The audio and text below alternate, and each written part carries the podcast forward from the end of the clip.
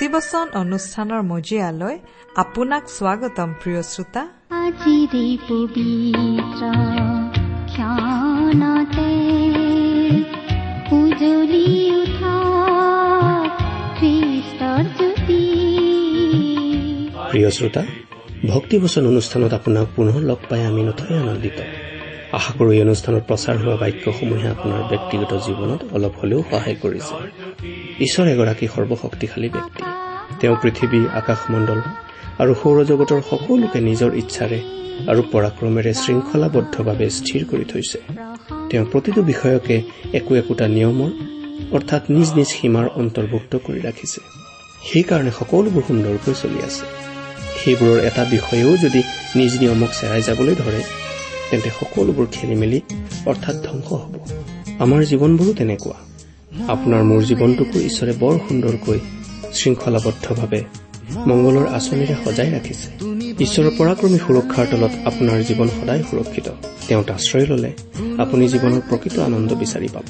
তেওঁৰ বাক্যই আপোনাক তেওঁৰ বিষয়ে আৰু অধিককৈ জানিবলৈ সহায় কৰাৰ আশাৰে এয়া আপোনালৈ আগবঢ়াইছো ভক্তি বচন।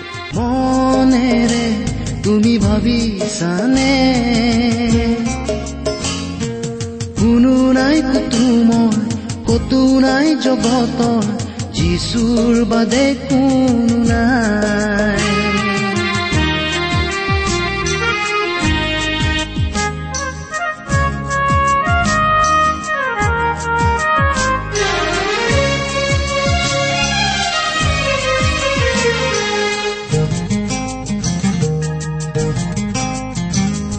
তেজৰ তানে নাৰাখে কাকো প্ৰেমৰ ভাষা নুবুজে কোনো নুশুনে কোনো হিয়াৰ কান্দোন নুবুজে চকুলোৰ কোনোৱে মূল কাহত তোমাৰ যিচুৰ বাদে কোনো নাই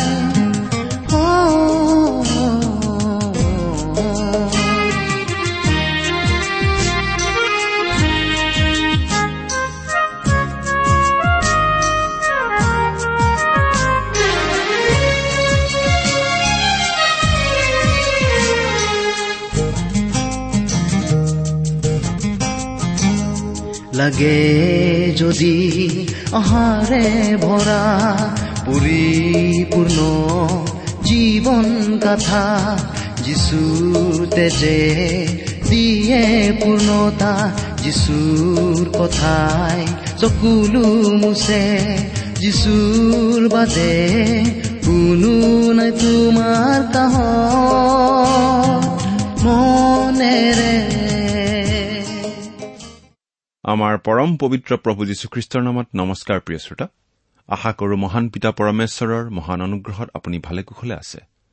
লগতে এই বুলিও আশা কৰিছো যে আপুনি আমাৰ এই ভক্তিবচন অনুষ্ঠানটো নিয়মিতভাৱে শুনি আছে।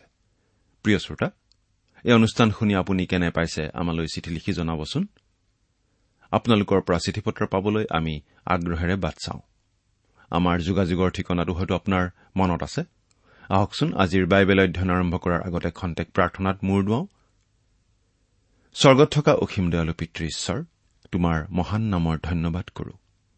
তুমি মহান তুমি কৰুণাময় তুমি অনুগ্ৰহৰ আকৰ। তোমাৰ অনুগ্ৰহতেই আজি আমি প্ৰভু যীশুত বিশ্বাস কৰি পৰিত্ৰাণ পাব পৰা হৈছো তোমাক পিতৃ বুলি মাতিব পৰা হৈছো। তুমি আমালৈ যিমান অনুগ্ৰহ দেখুৱাইছা তাৰ বাবে তোমাক ধন্যবাদ দি আমি শেষ কৰিব নোৱাৰো। এতিয়া প্ৰাৰ্থনা কৰিছো তোমাৰ মহান বাক্য বাইবেল শাস্ত্ৰৰ যোগেৰে তুমি আমাক কথা কোৱা। তোমাৰ মাত আমাক শুনিবলৈ দিয়া।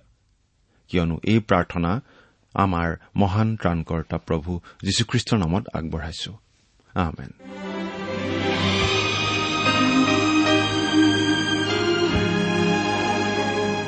প্ৰিয় শ্ৰোতা আপুনি বাৰু আমাৰ এই ভক্তিবচন অনুষ্ঠানটো নিয়মিতভাৱে শুনি আছেনে? যদিহে শুনি আছে তেনেহলে আপুনি নিশ্চয় জানে যে আমি আজি ভালেমান দিন ধৰি বাইবেলৰ নতুন নিয়ম খণ্ডৰ তিমঠিয়ৰ প্ৰতি প্ৰথম পত্ৰ নামৰ পুস্তকখন অধ্যয়ন কৰি আছো।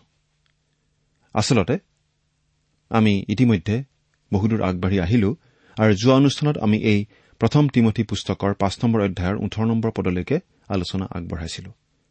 আজি আমি পাঁচ নম্বৰ অধ্যায়ৰ ঊনৈশ নম্বৰ পদৰ পৰা আমাৰ আলোচনা আগবঢ়াম আৰু আজিৰ অনুষ্ঠানতেই এই পুস্তকখনৰ অধ্যয়নৰ সামৰণি মাৰিম। এই পুস্তকখন হৈছে এখন চিঠি। তিমঠিয় নামৰ ডেকা পালক এজনলৈ পাচনি পৌলে লিখা এখন চিঠি আৰু এই চিঠিৰ মাজেদি মণ্ডলী পৰিচালনাৰ বিভিন্ন উপদেশ তেওঁ তিমঠিক দিছে আৰু আমাৰ ব্যক্তিগত জীৱনৰ বাবে বহুত প্ৰয়োজনীয় কথা আমি ইয়াৰ পৰা শিকিব পাৰোঁ। আমি বাইবেলৰ পৰা পাঠ কৰি দিব খুজিছো। পাঁচ নম্বৰ অধ্যায়ৰ ঊনৈশ নম্বৰ পদ। বৃদ্ধ লোকৰ বিৰুদ্ধে অপবাদ দুই তিনি সাক্ষী নহলে গ্ৰাহ্য নকৰিবা।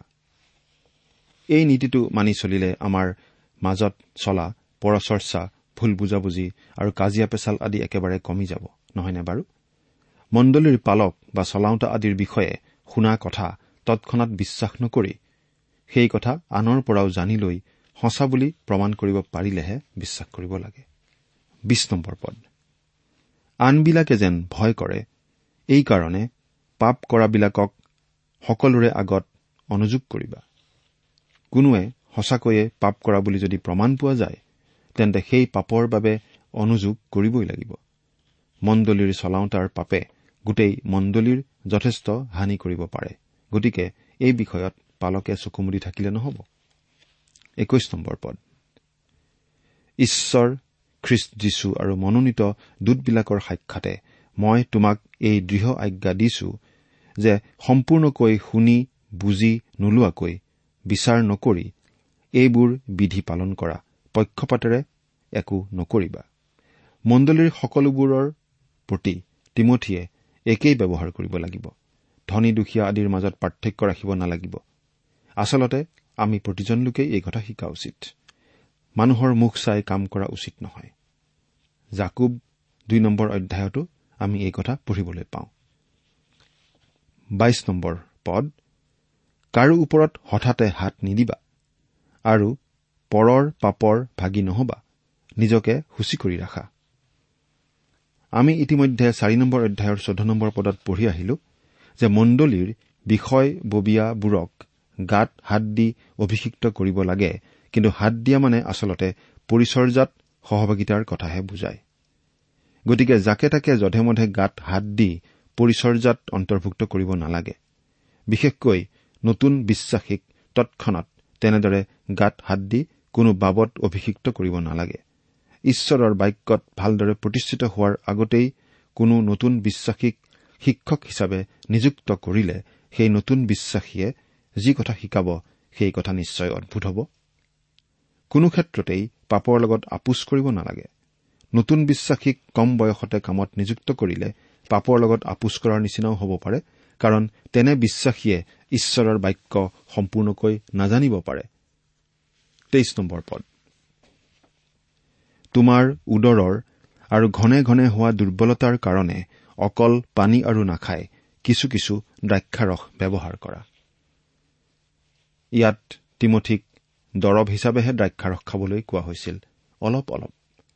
তিমঠিয়ে মদ্যপান কেতিয়াও নকৰিছিল। দ্ৰাক্ষাৰস তেওঁ কেতিয়াও হাতেৰেই নুচুইছিল। সেইবাবেহে তেওঁক দৰৱ হিচাপে অলপ অলপ দ্ৰাক্ষাৰস খাবলৈ কোৱা হৈছিল। চৌব্বিছ নম্বৰ পদ। কোনো কোনো মানুহৰ পাপ সুস্পষ্ট আৰু বিচাৰ পথত অগ্ৰগামী হয়। কেতিয়াবা কোনো কোনো বিশ্বাসীৰ জীৱনৰ পাপ ঈশ্বৰে এই পৃথিৱীতেই বিচাৰ কৰি শাস্তি দিয়ে কিছুমানৰ নিদিয়ে কিন্তু ভৱিষ্যতে দিবই। এই কথা আমি মনত ৰখা উচিত। পাচনি পৌলে প্ৰথম কৰিন্থিয়া এঘাৰ নম্বৰ অধ্যায়ত এই বিষয়ে লিখিছে। তেওঁ এই কথা বুজাইছে যে কিছুমান ইতিমধ্যেই নিদ্ৰিত হৈছে অৰ্থাৎ কিছুমানে তেওঁলোকৰ পাপৰ শাস্তি ইতিমধ্যে লাভ কৰিছে। কিছুমান সঁচাকৈ ৰোগত পৰিছে কিছুমানে আনকি মৃত্যুবৰণ কৰিব লগাও হৈছে। আমি নিজে আমাৰ পাপৰ বিচাৰ কৰিব পাৰোঁ। তাৰমানে সেই পাপৰ বাবে অনুশোচনা কৰি মন পালটন কৰি সেই পাপ আমি ত্যাগ কৰিব পাৰোঁ। ঈশ্বৰে আমাক শাস্তি এইকাৰণেই দিয়ে যাতে আমাক জগতৰ আন লোকৰ সৈতে তেওঁ শাস্তি দিব লগা নহয়। সেই শাস্তি আমি কেতিয়াবা লগে লগে পাওঁ কেতিয়াবা দেৰিকৈ পাওঁ কিন্তু পামেই। পঁচিছ নম্বৰ পদ। আৰু কোনো কোনোৰ পাপ তেওঁবিলাকৰ অনুগামী হয়। সৎকৰ্মবোৰো সেই ৰূপ সুস্পষ্ট আৰু যি যি অন্য ৰূপ সেইবোৰকো গুপ্ত ৰাখিব নোৱাৰি। ঠিক একে কথা খাতে সৎকৰ্মৰ ক্ষেত্ৰতো। কেতিয়াবা আমি লগে লগে পুৰস্কাৰ পাওঁ কিন্তু কেতিয়াবা আমি লগে লগে ঈশ্বৰৰ পৰা পুৰস্কাৰ নাপাবও পাৰোঁ কিন্তু ঈশ্বৰে কাৰো ধাৰ নাখায়। তেওঁ আমাক পুৰস্কৃত কৰিবই যদিহে আমি তেওঁৰ হকে কিবা কৰিছো তাৰ প্ৰতিদান তেওঁ দিবই। এতিয়া আমি ছয় নম্বৰ অধ্যায়লৈ আহিছো। এই ছয় নম্বৰ অধ্যায়তো আমি মণ্ডলীৰ বিভিন্ন পদবীত থকা লোকসকলৰ দায়িত্বৰ কথা পাওঁ। এক আৰু দুই নম্বৰ পদ পঢ়ি দিছো। ঈশ্বৰৰ নাম আৰু শিক্ষা যেন নিন্দিত নহয় এইকাৰণে জুৱলীৰ অধীন হোৱা দাসবিলাকে নিজ নিজ প্ৰভুক সম্পূৰ্ণ সমাদৰৰ যোগ্য জ্ঞান কৰক। আৰু যিবিলাকৰ বিশ্বাস কৰা প্ৰভু আছে তেওঁলোকে তেওঁবিলাক ভাই হোৱা হেতুকে তেওঁবিলাকক হেয় জ্ঞান নকৰক কিন্তু তাতকৈ তেওঁবিলাকৰ দাস্যকৰ্ম কৰক কাৰণ সৎ ব্যৱহাৰৰ ফলভোগীবিলাক বিশ্বাসকাৰী আৰু প্ৰিয়। এইবোৰ কথা শিকোৱা আৰু বিনয় কৰা। এতিয়া পাচনি পৌলে এটা অতি স্পৰ্শকাতৰ বিষয়ৰ ওপৰত ক'ব ধৰিছে দাস আৰু গৰাকীৰ মাজৰ সম্বন্ধৰ কথা। আজিৰ যুগত হ'ব মালিক আৰু শ্ৰমিকৰ মাজত থকা সম্বন্ধৰ কথা ওপৰৱালা আৰু তলতীয়া কৰ্মচাৰীৰ মাজত থকা সম্বন্ধৰ কথা। জুৱলীৰ অধীন হোৱা দাস মানে খ্ৰীষ্টীয় বিশ্বাসী দাস। দাসবিলাকৰ দায়িত্ব কি? তেওঁলোকে তেওঁলোকৰ প্ৰভু বা গৰাকীক উচিত সন্মান দেখুৱাওক পাবলগীয়া মৰ্যাদা দিয়ক। প্ৰতিজন খ্ৰীষ্টীয় শ্ৰমিক বনোৱা কৰ্মচাৰীয়ে এই কথা মনত ৰাখিব লাগে। যিমানখিনি সময় কাম কৰাৰ বাবে তেওঁক নিযুক্তি দিয়া হৈছে আৰু দৰমহা দিয়া হৈছে ঠিক সিমানখিনি সময় তেওঁ কাম কৰিবই লাগিব। যদি মই পাঁচ বজালৈ কাম কৰিবলৈ সন্মতি জনাইছিলো তেনেহলে পাঁচ বজালৈকে মই কাম কৰিবই লাগিব। তেতিয়াহে সম্পূৰ্ণ দৰমহা পোৱাৰ যোগ্য বিবেচিত হ'ম। এতিয়া ধৰক কোনো এজন খ্ৰীষ্টীয় বিশ্বাসীৰ ওপৰৱালাজন নাইবা গৰাকীজনো খ্ৰীষ্টীয় বিশ্বাসী। তেতিয়া সম্বন্ধটো কেনেকুৱা হ'ব লাগিব সেই বিষয়ে ইয়াত আমাক জনাই দিয়া হৈছে। তেতিয়া সম্বন্ধটো বেলেগ ধৰণৰ হ'ব সাধাৰণ চুক্তিতকৈ বেলেগ। এজন বাইবেল শিক্ষকে এখন পশ্চিমীয়া দেশত এটা ডাঙৰ কাৰখানাত বাইবেল শিক্ষা দিবলৈ গৈছিল। সেই কাৰখানাৰ মালিক আছিল খ্ৰীষ্টীয় বিশ্বাসী আৰু মুৰব্বী বিষয়াসকলো খ্ৰীষ্টীয় বিশ্বাসী। সেই কাৰখানাত বহুতো খ্ৰীষ্টীয় বিশ্বাসী লোকেও কাম কৰিছিল শ্ৰমিক হিচাপে। পঞ্চল্লিছ মিনিটৰ বাবে বাইবেল শিক্ষাৰ কাৰ্যসূচী আছিল আৰু সেই খ্ৰীষ্টীয় বিশ্বাসী শ্ৰমিকসকলকো তাত যোগ দিবলৈ ছুটি দিয়া হৈছিল। তেনেদৰে শ্ৰমিকসকলৰ প্ৰতি বিশেষ সুবিধা আগবঢ়োৱা কাৰণে কৰ্তৃপক্ষক প্ৰশংসা কৰিছিল সেই বাইবেল শিক্ষকজনে। কিন্তু তেতিয়া কাৰখানাৰ মালিকসকলে কৈছিল আমাক প্ৰশংসা নকৰিব। এই খ্ৰীষ্টীয় বিশ্বাসী শ্ৰমিক কেইজন আন শ্ৰমিকবোৰতকৈ ভাল আৰু বিশ্বাসী। আচলতে এইটো পৰস্পৰৰ মাজত দিয়া লোৱা বা আদান প্ৰদানৰ নিচিনাহে কথা। তেওঁলোক ইমান ভাল কৰ্মচাৰী যে আমি তেওঁলোকক যিখিনি দিছো সেইখিনি আচলতে তেওঁলোকৰ প্ৰাপ্য। তেওঁলোকেহে আচলতে আমাক বেছি দিছে। সঁচাকৈ কি সুন্দৰ সম্বন্ধ? প্ৰকৃত খ্ৰীষ্টীয় বিশ্বাসীজন মালিকেই হওক দাসেই হওক সদায় বিশ্বাসী হ'ব লাগে। মুঠতে খ্ৰীষ্টীয় বিশ্বাস কাৰখানাৰ হাতুৰি বটালিৰ মাজলৈকে সোমাই যায়। হাত তেল মাটিৰে লেতেৰা কৰে। বোকা মাটিত ভৰি দিয়ে কিন্তু পাপৰ বোকা নহয় সৎ পৰিশ্ৰমৰ বোকা। প্ৰিয় শ্ৰোতা এই ক্ষেত্ৰত আপুনি বাৰু কেনেকুৱা? যদিহে আপুনি কিবা চাকৰি কৰে আপুনি বাৰু আপোনাৰ ওপৰৱালাৰ প্ৰতি বিশ্বাসীনে তিনিৰ পৰা পাঁচ নম্বৰ পদ। কোনোৱে যদি বিভিন্ন শিক্ষা দিয়ে আৰু নিৰাময় বাক্যত অৰ্থাৎ আমাৰ প্ৰভু যীশুখ্ৰীষ্টৰ বাক্যত আৰু ভক্তিৰ অনুৰূপ শিক্ষাত মান্তি নহয় তেন্তে তেওঁ অহংকাৰ ৰূপ ধোঁৱাত ধোঁৱা লগা তেওঁ একোকে নাজানে। কিন্তু বাট বিচাৰ আৰু বাকযুদ্ধৰূপ ৰোগত ৰোগগ্ৰস্ত হল। সেইবোৰৰ পৰাই অসূয়া বিবাদ নিন্দা শুভামনা আৰু মন ভ্ৰষ্ট হোৱা আৰু সত্যহীন হোৱা মানুহবিলাকৰ দণ্ড কাজিয়া উৎপন্ন হয়। এনেকুৱা লোকবিলাকে ভক্তিক লাভৰ উপায় বুলি ভাবে। পৰিচৰ্যাত কিছুমান গৰ্বী মানুহ থাকে আৰু তেওঁলোকেই নানা ধৰণৰ সমস্যাৰ সৃষ্টি কৰে। গৰ্বই সদায় সমস্যাৰ সৃষ্টি কৰিবই। ঈশ্বৰৰ সন্তানৰ বাবে ই অতি বেয়া কথা। খ্ৰীষ্টীয় বিশ্বাসীৰ জীৱনত কেতিয়াও গৰ্ব আশা কৰা নাযায়। আমি এই কথা বুজি পোৱা উচিত যে আমি ঈশ্বৰৰ অনুগ্ৰহৰ দ্বাৰা পৰিত্ৰাণ পোৱা পাপী মাত্ৰ। গৰ্বৰ ভয় সকলো সময়তে থাকে। স্থানৰ গৰ্ব মানৰ গৰ্ব ধনৰ গৰ্ব জনৰ গৰ্ব ৰঙৰ গৰ্ব বৰ্ণৰ গৰ্ব। কিছুমান মানুহে আনকি এই কথালৈও গৰ্ব কৰে যে তেওঁলোক পৰিত্ৰাণ পোৱা লোক। কিন্তু প্ৰিয় শ্ৰোতা খ্ৰীষ্টীয় বিশ্বাসী হিচাপে আমি নম্ৰ হোৱাৰ স্থল অনেক আছে। আমাৰ অতীতৰ কথা মনত পেলালে আমাৰ বাৰু গৰ্ব হ'বনে? নে আমি নম্ৰ হ'ম? আমি ঈশ্বৰৰ অনুগ্ৰহত পৰিত্ৰাণ পোৱা পাপী লোক মাত্ৰ ছয় নম্বৰ পদ। কিন্তু সন্তোষৰ সহিত ভক্তি মহালাভৰ উপায় হয়। আচলতে আমি জীৱনত সন্তুষ্ট হ'বলৈ শিকিব লাগে।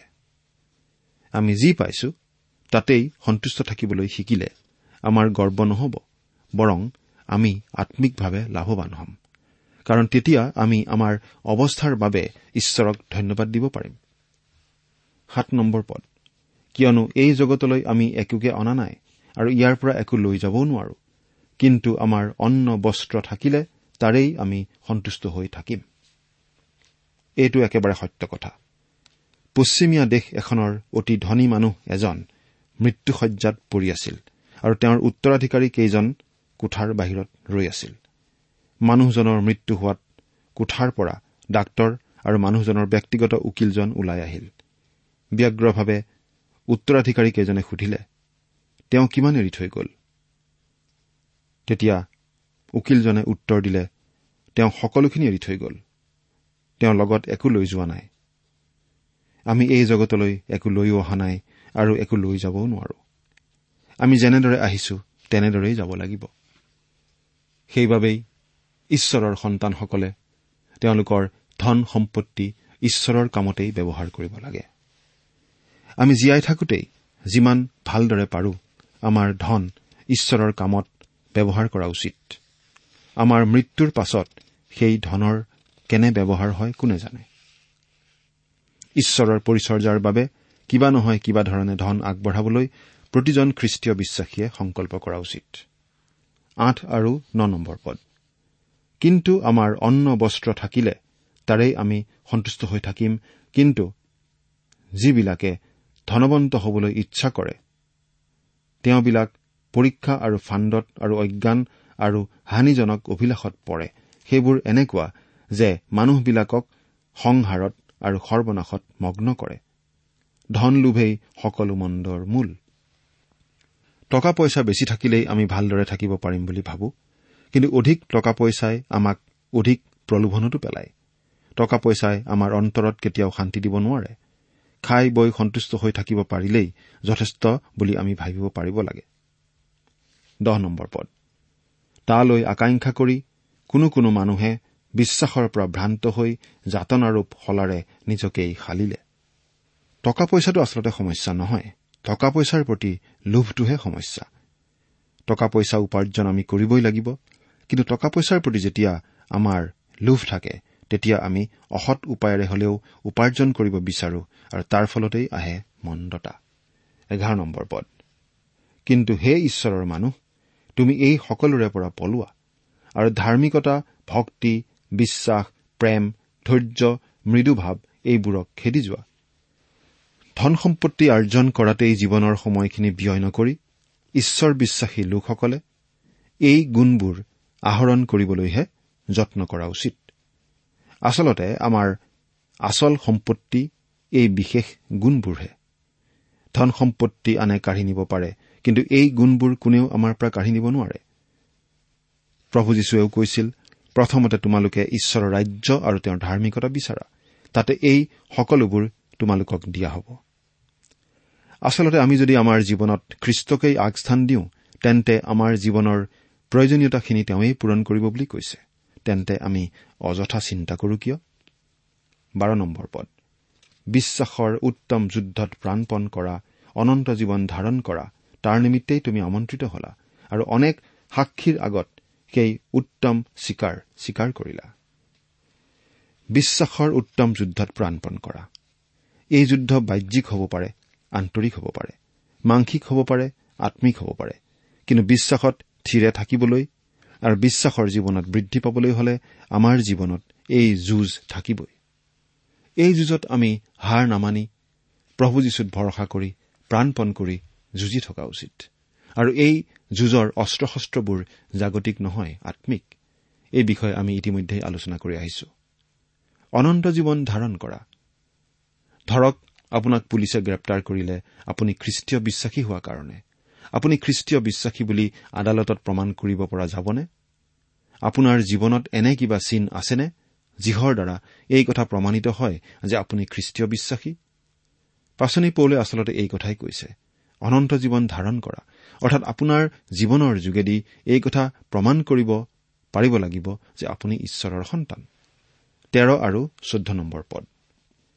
সকলোৰে জীৱন দিওঁতা ঈশ্বৰৰ সাক্ষাতে আৰু যিজনাই পন্তীয় পিলাতৰ আগত সেই উত্তম চিকাৰ ৰূপ সাক্ষ্য দিছিল সেই খ্ৰীষ্ট যীশুৰ সাক্ষাতেও মই তোমাক এই আজ্ঞা দিছো যে আমাৰ প্ৰভু যীশুখ্ৰীষ্টৰ আৱিৰ্ভাৱ নহয় মানে আদেশ নিষ্কলংক আৰু অনিন্দনীয়কৈ ৰাখিবা। সকলোকে জীৱন দিওঁতা ঈশ্বৰ। এই কথা জগতে মানক বা নামানক কিন্তু সকলোকে জীৱন দিওঁতা ঈশ্বৰহে। ঈশ্বৰহে আমাৰ সৃষ্টিকৰ্তা আমাক জীৱন দিওঁতা। কাৰণ জীৱন তেওঁতেহে শাৰীৰিক জীৱন তেওঁ সকলোকে দিছে। অনন্ত জীৱনো তেওঁ সকলো লোককে দিব পাৰে।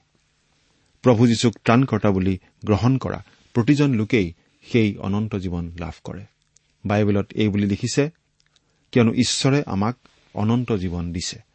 সেই জীৱন তেওঁৰ পুত্ৰত আছে। যিজনে পুত্ৰক পালে তেওঁৰ জীৱন আছে। যিজনে ঈশ্বৰৰ পুত্ৰক পোৱা নাই তেওঁৰ জীৱন নাই। প্ৰথম জোখন পাঁচ নম্বৰ অধ্যায়ৰ বাৰ নম্বৰ পদ। আপুনি বাৰু সেই জীৱন লাভ কৰিছেনে? এই আদেশ নিষ্কলংক আৰু অনিন্দনীয়কৈ ৰাখিবা। অৰ্থাৎ পাচনি পৌলে তিমঠিক যিবোৰ আজ্ঞা দিছে সেই আজ্ঞাবোৰ কোনো খুট নথকাকৈ কোনো অপবাদৰ স্থল নথকাকৈ পালন কৰিবলৈ কোৱা হৈছে। প্ৰিয় শ্ৰোতা যদি আপুনি খ্ৰীষ্টৰ অনুগামী হিচাপে জীৱন কটাইছে তেনেহলে আপুনি ঈশ্বৰৰ সন্তানৰ দৰে ব্যৱহাৰ কাৰ্যক্ষেত্ৰত প্ৰকাশ কৰিবই। অৱশ্যে পৌলে তিমঠিলৈ দিয়া আজ্ঞাবোৰ আজি আমাৰ সকলোলৈকে অৰ্থাৎ প্ৰতিজন খ্ৰীষ্টীয় বিশ্বাসীলৈকেই দিয়া হৈছে পবিত্ৰ আত্মাৰ দ্বাৰা। পোন্ধৰ আৰু ষোল্ল নম্বৰ পদ। যিজনাই ঠিক ঠিক সময়ত সেই আৱিৰ্ভাৱ দেখুৱাব সেই পৰম ধন্য আৰু একমাত্ৰ পৰাক্ৰমীজনা ৰজাৰো ৰজা প্ৰভুৰো প্ৰভু অমৰতাৰ একমাত্ৰ অধিকাৰী অগম্য দীপ্তি নিবাসী। কোনো মানুহে কেতিয়াও তেওঁক দেখা নাই আৰু দেখা পাবও নোৱাৰে। তেওঁৰ এই সমাদৰ আৰু অনন্ত পৰাক্ৰম হওক। আমেন। প্ৰভু যীশু উপযুক্ত সময়ত আকৌ আৱিৰ্ভূত হ'ব। তেওঁ পৰম ধন্য আৰু একমাত্ৰ পৰাক্ৰমীজনা ৰজাৰো ৰজা প্ৰভুৰো প্ৰভু। তেওঁ অমৰতাৰ একমাত্ৰ অধিকাৰী। কাৰণ একমাত্ৰ তেওঁহে মৃত্যুক জয় কৰি জি উঠিছিল। সেইবাবেই তেওঁ কৈছিল ময়েই পুনৰুত্থান আৰু জীৱনো। তেওঁ অগম্য দীপ্তি নিবাসী তেওঁ য'ত আছে সেই স্বৰ্গত কোনো মানুহে প্ৰৱেশ কৰিব নোৱাৰে। কিন্তু তেওঁৰ অনুগ্ৰহত এদিন আমি তাত বাস কৰিবলৈ পাম। কোনো মানুহে ঈশ্বৰক দেখা নাই আৰু দেখা পাবও নোৱাৰে কিন্তু একমাত্ৰ প্ৰভু যীশুৱেহে তেওঁক আমাৰ আগত প্ৰকাশ কৰিলে কাৰণ তেওঁ আছিল মানুহ ৰূপত ঈশ্বৰ। সোতৰৰ পৰা ঊনৈশ নম্বৰ পদলৈকে পঢ়ি দিম। যিবিলাকে ইহলোকত ধনবন্ত তেওঁবিলাকক এই আজ্ঞা দিয়া যে তেওঁবিলাক উচ্চমনা নহওক আৰু তেওঁবিলাকে ধনৰ অনিশ্চয়তাত ভৰসা নকৰি যি ঈশ্বৰে আমি ভোগ কৰিবলৈ সকলোকে বাহুল্যৰূপে আমাক দিছে সেই ঈশ্বৰত ভৰসা কৰক।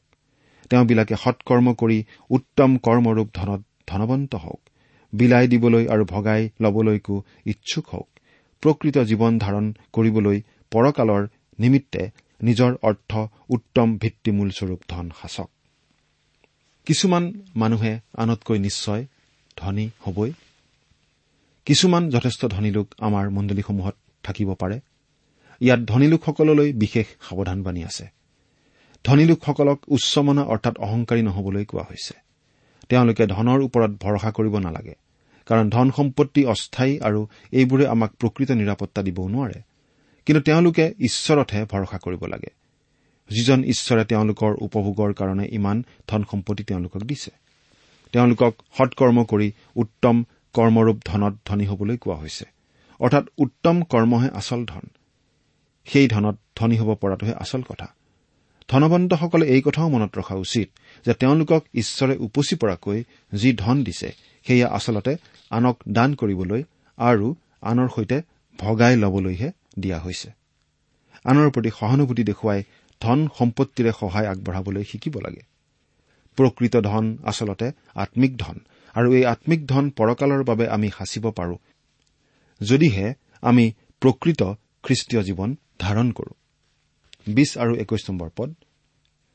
হে তিমঠিয় তোমাত যি গতাই দিয়া হ'ল তাক পহৰা দি ৰাখা আৰু ধৰ্ম নিন্দাযুক্ত বক বকনিৰ পৰা আৰু কল্পিত বিদ্যাৰ বিপৰীত বাক্যৰ পৰা বিমুখ হোৱা। কোনো কোনোৱে সেই বিদ্যাত গৰ্ব কৰি বিশ্বাসৰূপ পথৰ পৰা এফলীয়া হৈ গ'ল। তোমালোকৰ লগত অনুগ্ৰহ থাকক।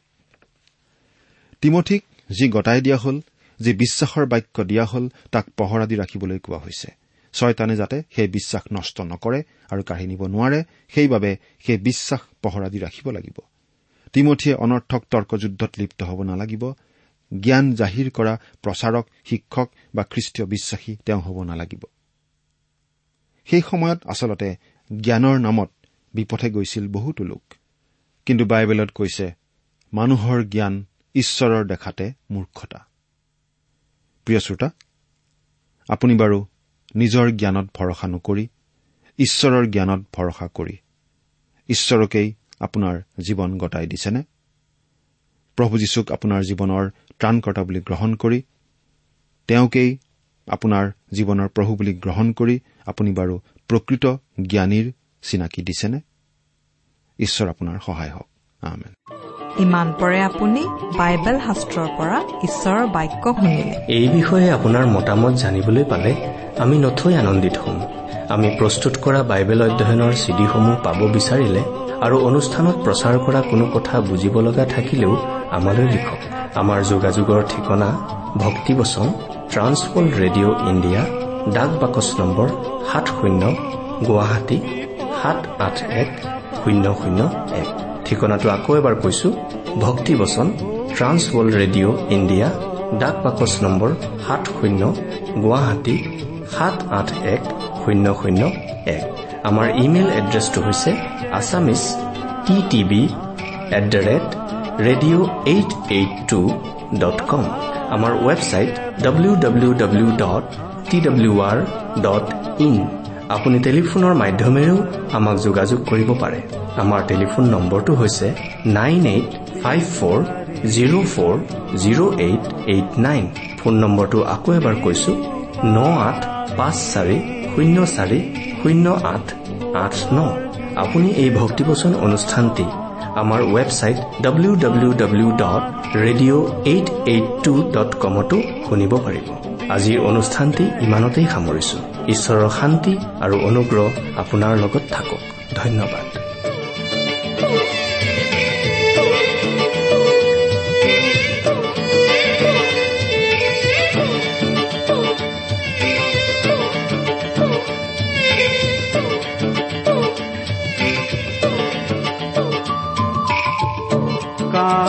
सारी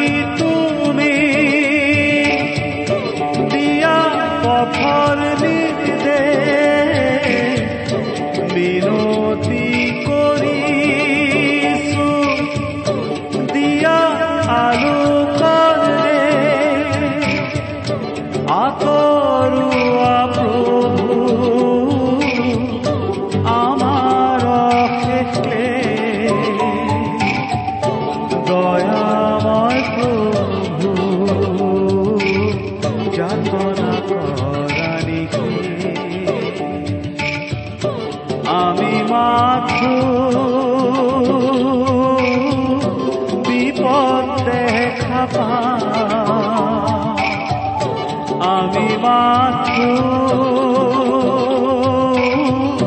বিপদ দেখা অতীত ভবিষ্যৎ